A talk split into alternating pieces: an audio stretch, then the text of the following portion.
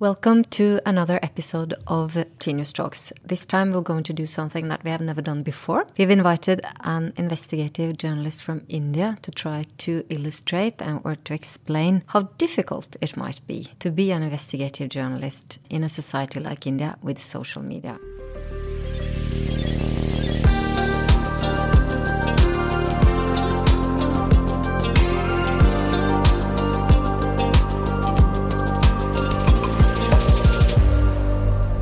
Welcome, Rana Ayub. Thank you so much for having me here. It's great that you've taken all the way to Norway. But first, could you explain for a Norwegian Scandinavian audience uh, your story? Why, for instance, were you awarded the 2018 prize for the most resilient global journalist in Hague? Well, I think my life has been about resi resilience. Uh, you know, somebody who was born with a polio at the, you know, I mean, and suffered polio at the age of five was a cripple. I was almost like an outsider. So my childhood was like that. At the age of nine, me and my sister were threatened with gang rape when the anti-Muslim riots broke out. I went to an all all girls school, all girls college, all girls degree college because I was scared of men. Um, in 2002, when the anti-Muslim riots took place in India, and Mr. Narendra Modi, who is now the Prime Minister, was then the provincial minister of the state. I went as a relief worker. I, I was 19. And that's when my life changed and I decided to be a journalist. But since then, it was a bold decision. It changed my life overnight. But the journalism that I've done ever since has really, you know, hit the people in power. Uh, for instance, at the age of 26, I got the first serving Home Minister of India behind bars with my investigation. I procured all his call records. As it happens, that man is now the president of the ruling party. And now that Mr. Modi has won the second election, he might just be the Home Minister of the country. So he made my life miserable after that and suddenly I went undercover. I went undercover because I had to expose Mr. Narendra Modi, who's now the Prime Minister of the country, his role in the genocide of Muslims, his, his and his minister's role in the extrajudicial murder of Muslims who were labeled as terrorists. Investigating agencies were trying to do their job, but they were co opted by the government. So no investigating agency could really nail Mr. Modi. Pause a little bit uh, with the 2002 Gujarat riots, because those riots uh, turned out to be of great importance to your career and also all the right. challenges that you met. In 2002, uh, there was a violent violent riots in Gujarat in India, right? Yeah. And uh, about uh, 1,000 people were killed. Right. And uh, additional 223 miss uh, missing and 2,500 were injured. There were huge riots. Yeah. So, why did you want to investigate that several years afterwards? You know, when I was nine, the anti Muslim riots in Bombay happened when me and my sister had to take refuge in a Hindu household for three months, and we didn't know what was happening to our family. And everybody would come into the household would ask, Who are these girls? And they would say, Oh, they're refugee girls. And every day we would spend our days thinking, Will we be killed? Will somebody come and take us? And then when I was 19, I was still a child who was struggling with that complex, you know, which I saw the the Gujarat riots happened, and it was all over television. It was the first televised riots of country, the country. I knew at the age of nine I was helpless. I did not want to be helpless at the age of nineteen. So I told my parents that I'm going for a trekking, like for a big trekking trip with my friends. We collected some relief material, took a train, entered Gujarat, went to the relief camps, saw women raped in relief camps, and the Prime Minister, the, Mr. Modi, the then Chief Minister, called those relief camps child producing centers. I had goosebumps over my, I mean, all over my body. I would cry, I would break down because somewhere their pain reminded me of my own, their helplessness reminded me of my own helplessness. And that's the day I decided I had to do something. And that's when I decided to be a journalist because my father himself is a journalist, right? Um, so I guess it was in the genes, but that was the first provocation, you know, because there was nothing else that I could do to bring their stories to the mainstream. I could not join the civil services. I could not join. I couldn't be a cop. Write, writing came naturally to me. I thought my pain reflected in my writing, and Gujarat 2002 became a turning point for me. And then you uh, you went undercover as a journalist, yes. or a sting operation that you that you yeah. would probably call it. And for eight months, you you were acting as another person. Yeah. Tell me how how was that? So after I sent the first serving Home Minister of India behind bars, they tried to make my life miserable. But fortunately, my name in India is it's it's a very ambiguous name. Rana is also a name for males in India. All of them would send nasty emails and threats to Mr. Ayub. So nobody knew who I was, and because I was an investigative journalist, nobody knew my identity. I decided to go undercover because that injustice had to be exposed. My I had a friend who studied at the American Film Institute Conservatory in Los Angeles, and she used to she and I used to talk about it. I had an actor friend. So I said, I didn't tell her, but I said, I'll need your help. So I produced a fake identity card of the American Film Institute Conservatory, got a fake American accent, which was horrible.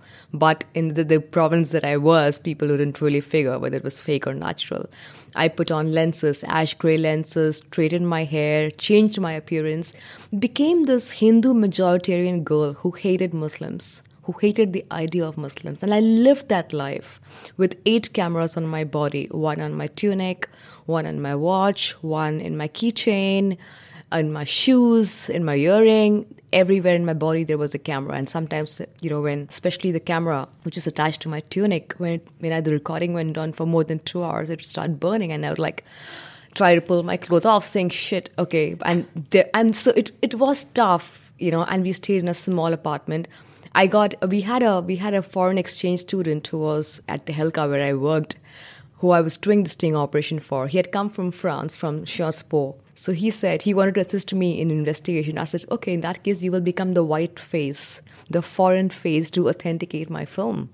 So when I went to Gujarat, they saw a white face and they said, oh, this sounds very credible. So I went around meeting the top people under Narendra Modi in Gujarat in a span of eight months, I became a part of their family.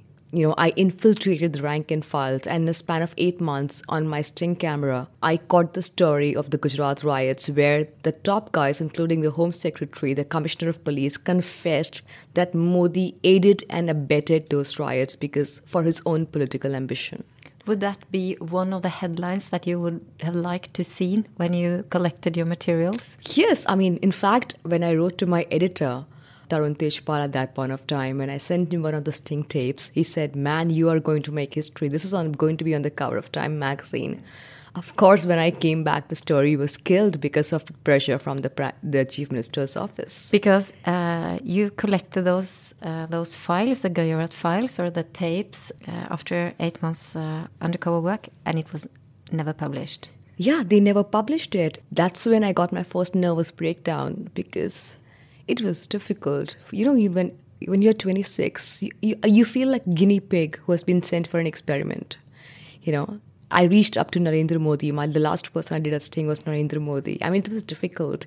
These people didn't realize that a 26 year old girl put her heart and her soul and her life. I was on the verge of being discovered at least on three occasions where I saved myself. I could have been killed. I could have been, I mean, I was undercover and I was in, in, in I was getting into the chief minister's office, they could have caught me. Anything could have happened to me. But my colleagues, my editors said, Come on, it's just one story. I said, No, it's not just one story. For you, it must be one story.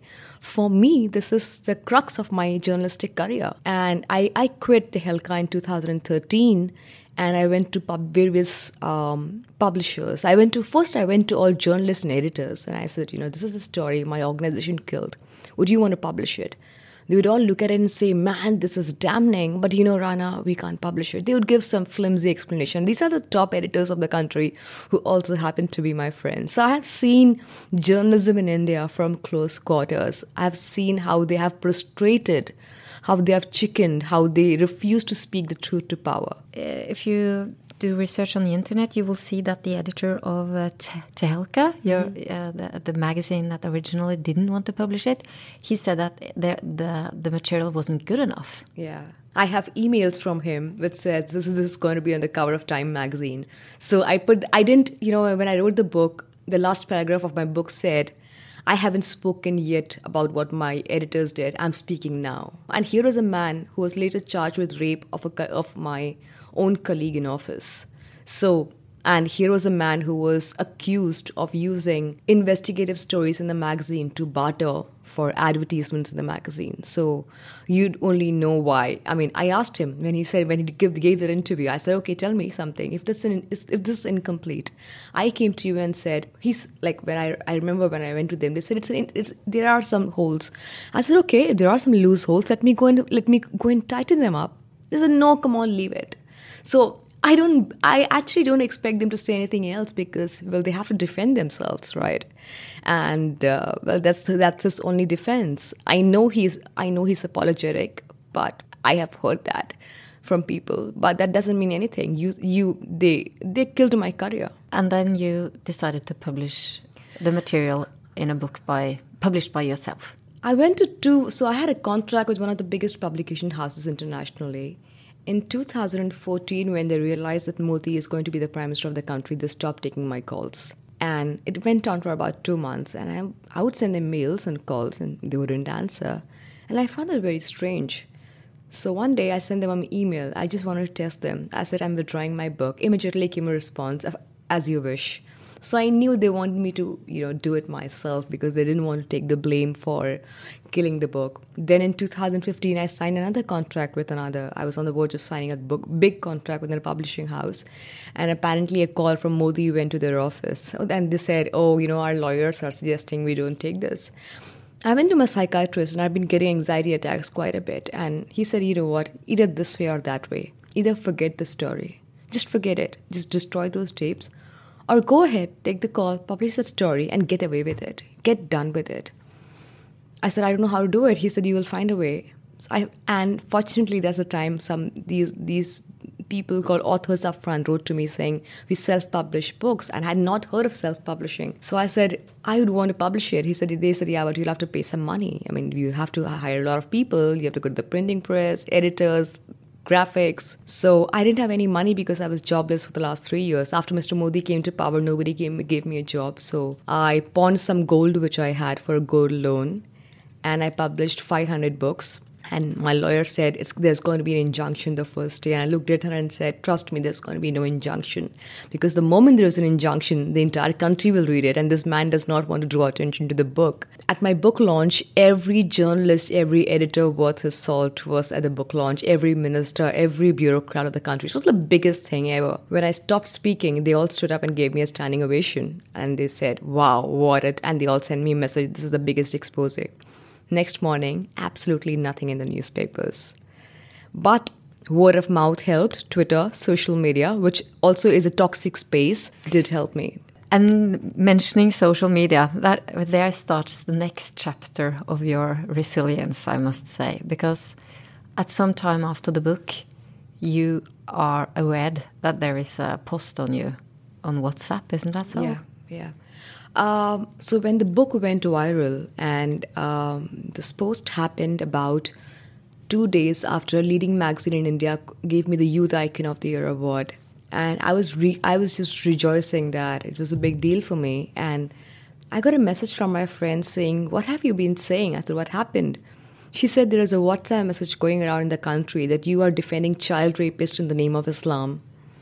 I said, how ridiculous could you be and how could you even believe that?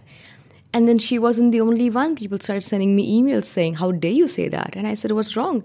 And then i saw a fake tweet which was morphed with my image with the tick the blue tick that you that twitter gives. And that was everywhere including on the provincial minister of the bjp his on his page saying you know this woman is advising rape and especially by Muslim rapists. By the time I could really give a clarification on Twitter and Facebook, it spread like wildfire. So I sent out a message on Facebook saying, "Is this the worst that you guys could do?" And do you, and my friends who are sending me messages, do you really think? And do you think I'm capable of something like this? That you're actually sending me those messages? things were dying down and then another tweet came up saying i hate india and i hate all indians and then they said that you had said that that you hate yeah india and, and they created a tweet and it went on and on. And I said, okay, guys, I don't know who is doing this, but this is ridiculous. And I was still reeling under that when I was sitting with a friend for coffee the next day. And I said, you know, I don't know how to handle this. I was doing an interview, I remember, with Al Jazeera on the Skype, and I was sitting with her at a cafe. And then somebody from the ruling party, acquaintance of mine, sends me a message on WhatsApp saying, I'm going to send you a video. Please don't react. I said, what happened? He said, don't react It's just, it's just, just, just take it with a pinch of salt. I saw that video. It was a pornographic video with my image morphed in it. And I said, Who the hell has done this? And he said, Listen, don't react. I know it's not you, but I'm really upset. It's, it's going out in the WhatsApp group of the BJP leaders. I said, Where is it coming from? He said, I have no idea. Before I could even react, and I I went and threw up in the bathroom because I couldn't see it beyond two frames, and it felt like humiliation. You know, in a country like India, where there's so much patriarchy and so much virtue placed on a woman's character, it felt like somebody had just violated me right? Although I knew it was a fake video, I, the morph was so clear, it was so visible, but still it was going around. Before I knew it, in the next 15 minutes, that video and its screenshots were all over Twitter, all over Facebook, all over Instagram. And I started, I got a panic attack. They took me to a hospital. My blood pressure had shot up. I got palpitations. They admitted me. They gave me oxygen. By the time this was happening, somebody put out a tweet on social media with my number and my address so the messages, the porn video, and the screenshots started coming on my phone, and people started asking me for my rates. And it was on every phone in India, that image, that video. How long, for how long time did it go on, this intense uh, viral? Four to five days. Oh. And I didn't have the courage, to, I didn't take a shower for three days. I was just in bed. I didn't know how to react. I didn't eat. I just I was just numb and I didn't know how to react. It was just like the idea of the entire country watching a video of you and you felt like you were a free for all you know it was like it was humiliating and i remember I, I there was a friend i was staying with her and, and i said what have i done to deserve this i said just just keep just tell me what have i done to deserve this and she said you're just speaking the truth and i was just worried that my father would see it right and um, so my father did see it and he didn't tell me anything the next day uh, he called me, and that was the most assuring call that actually made me get out of bed. He said, Are you crazy? He said, Even if it's an original video, we'd all sit and we would sit and watch it, man. What are you what's wrong with you? He said, Listen, I'm surprised this didn't happen earlier. He said, This should have happened earlier because this is how we weaponize hate against a woman you can't target with facts. Misogyny works. And when I heard my father speak that, I said, Yeah. If he at 70, somebody who's a very cultured, a conservative Muslim in India, if this is what he thinks, then I don't need to worry about anything. If my family believes me, I got out, I filed a complaint uh, in the police. The police refused to take my case, saying, um, Where's the evidence? I said, Well, you can file a case against the people who are sharing it and who are sending me rape threats because every two minutes there was a gang rape threat against me on the on the page of the um, largest provincial chief minister they said go and gang rape her so i said don't you think you have to take an action against these people? He said, and they didn't. And they didn't. But finally, when my lawyer threatened a zero FIR, and she said, you know who she is? She's a journalist, and we are going to complain, and we are going to put it out in the media. that The police refused, and then they said, okay, let us do that. It's been one year since I filed that case. One and a half years. No, more than one year. Yeah, nothing, nothing has happened. But but you got some finally. You got some help from the international society, didn't you? Yes, because when the Indian government didn't act, um, a lot of human rights defenders, and including journalism organizations, wrote to the UN, and the UN responded. Six UN special rapporteurs, for the first time in the history of India, in an individual case, wrote to the Indian government to protect my safety. The backlash was the minister said she's defaming India on international platforms. It's a ploy. And I looked at them and said, You won't support me, but you won't want anyone else to support me. So where do I go? And I looked at rational Indians, middle class Indians who said, and their only response was, okay, yeah, it was just a porn video, so what? Why did you have to go to the UN? And it, it felt like, it, it felt very isolating. It felt so isolating that nobody really cared that here are people who talk about women's emancipation and liberation, and these people are being so hypocritical that everything ends up about being nationalism, right? Um, so, yes, and then I wrote a piece in the New York Times about slut shaming and harassment, and that piece went viral. Almost everybody that I know in the world, the biggest people, shared it. And yes, that uh, that did get me a lot of international solidarity and support, and that's one of the reasons why I got the most resilient global journalist award at the at the Hague. And congratulations with that award. Thank you. Uh, but do you think after, your experience, uh, the ability to share uh, posts from WhatsApp was was um, tightened up? You're not able in India to, to share. Do you think that was after your experience? Well, I don't think uh, that has happened. Uh, well, after like, I complained to the police, they stopped they stopped sharing it. Uh, but they start would come still write lewd messages to me. Like yesterday, there was an email to me. Some guy wrote. I mean, they have not been emailing me, but now the emails have started happening, saying, "Where are you? I need to come and rape you." That's like an email that just comes day before, and it just and it just feels like I'm a public figure. Like yesterday at the air, uh, this morning at the airport at Doha, this guy takes my picture when I'm I'm sleeping in the lounge. He posted it on Twitter without and just says, "Look at this journalist. She's here internationally roaming while she's talking about human rights in India." And it felt like these guys have taken over my most intimate spaces. You know, it's like there's no place where, where they want me to be free. And that feels very claustrophobic. Nothing has changed in India it's still the same. After the bombs in Sri Lanka, just to just to move a little bit outside India, yeah. but still quite close, um, uh, social media was shut down. Yeah. Uh, do you uh, do you understand those kind of measures after dramatic uh, happenings like like in Sri Lanka, or do you think it, what, with your experience on what can happen? I think Sri Lanka did the right thing by doing that because you know, Sri Lanka is in a very very volatile situation right now. There has been a great deal of tension between the Sinhalese, communi- uh, Sinhalese community and the Muslim community. So when you have a bomb blast like this, and when the Muslims are in minority, you do have this, these are the steps that you take. Uh, sometimes it becomes important to curb social media. I know we all talk about freedom of social media, but there are certain days when it becomes absolutely important because it also becomes a tool to amplify rumors and amplify hate against people.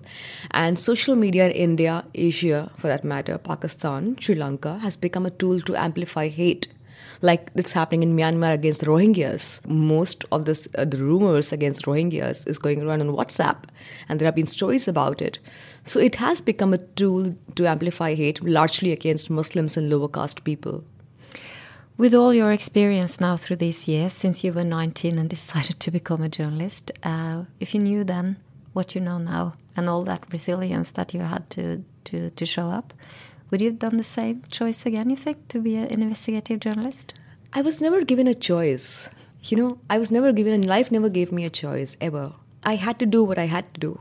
And now we are speaking about your home country, India, that we outside at least refer to as the biggest, the greatest, biggest democracy of the, the world's world. largest democracy. The world's largest democracy. Do you agree? I, I love the idea of India. As much as people call me a traitor, if I had been a traitor, I'd have left India by now and taken a fellowship somewhere. The reason why I stay in that country is because I love the Indian democracy. I, I, get goosebumps when I hear the national anthem. People might choose to deride my faith in the country and choose to cast aspersions on my faith and my patriotism, but it's intact. I love the Indian democracy, but the soul of the Indian democracy has been attacked by this prime minister. These are dark days ahead for India. I don't know, it's not just about me. There are about 180 million Muslims in India. I'm still a privileged voice. I'm alive. I live in a I live in a middle class, upper middle class setup. I have family to feed me there are people who are out in the streets who have nowhere to go. These are Muslims with with identities, with beards and, and skull caps. They can be attacked and they have no one to. These are the people I fear for. I fear for the women of India who are being raped and you know who are being attacked. I fear for the lower caste of India who are being lynched too, just like Muslims are being lynched. India will cease to be the character of Indian democracy will change in the next five years if Indians themselves do not raise to the occasion. And what will be your dream project as an investigative journalist in that society? To show them the mirror. I know they, I, I know they won't like it, but I have to keep showing them the mirror. This is how ugly it is. I know they hate it. As a journalist, and I believe history will be kind and objective to journalists who stuck to what they were doing. Uh, I think under Modi's rule, it's the best time to be a journalist in India. It's, it's never too, big, too good to be a journalist in a government which is like, uh, it's just being kind and noble to you, right? When the journalism that we are doing is a backlash against the backlash, and that's what it's meant to be.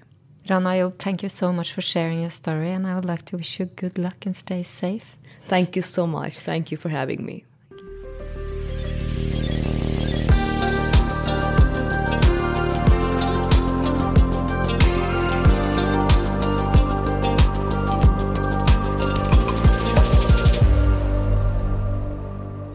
Podcast is produced by Hansine Korslien for the Tinius Trust. I'm head of the trust, Kjersti Løken Stavrum.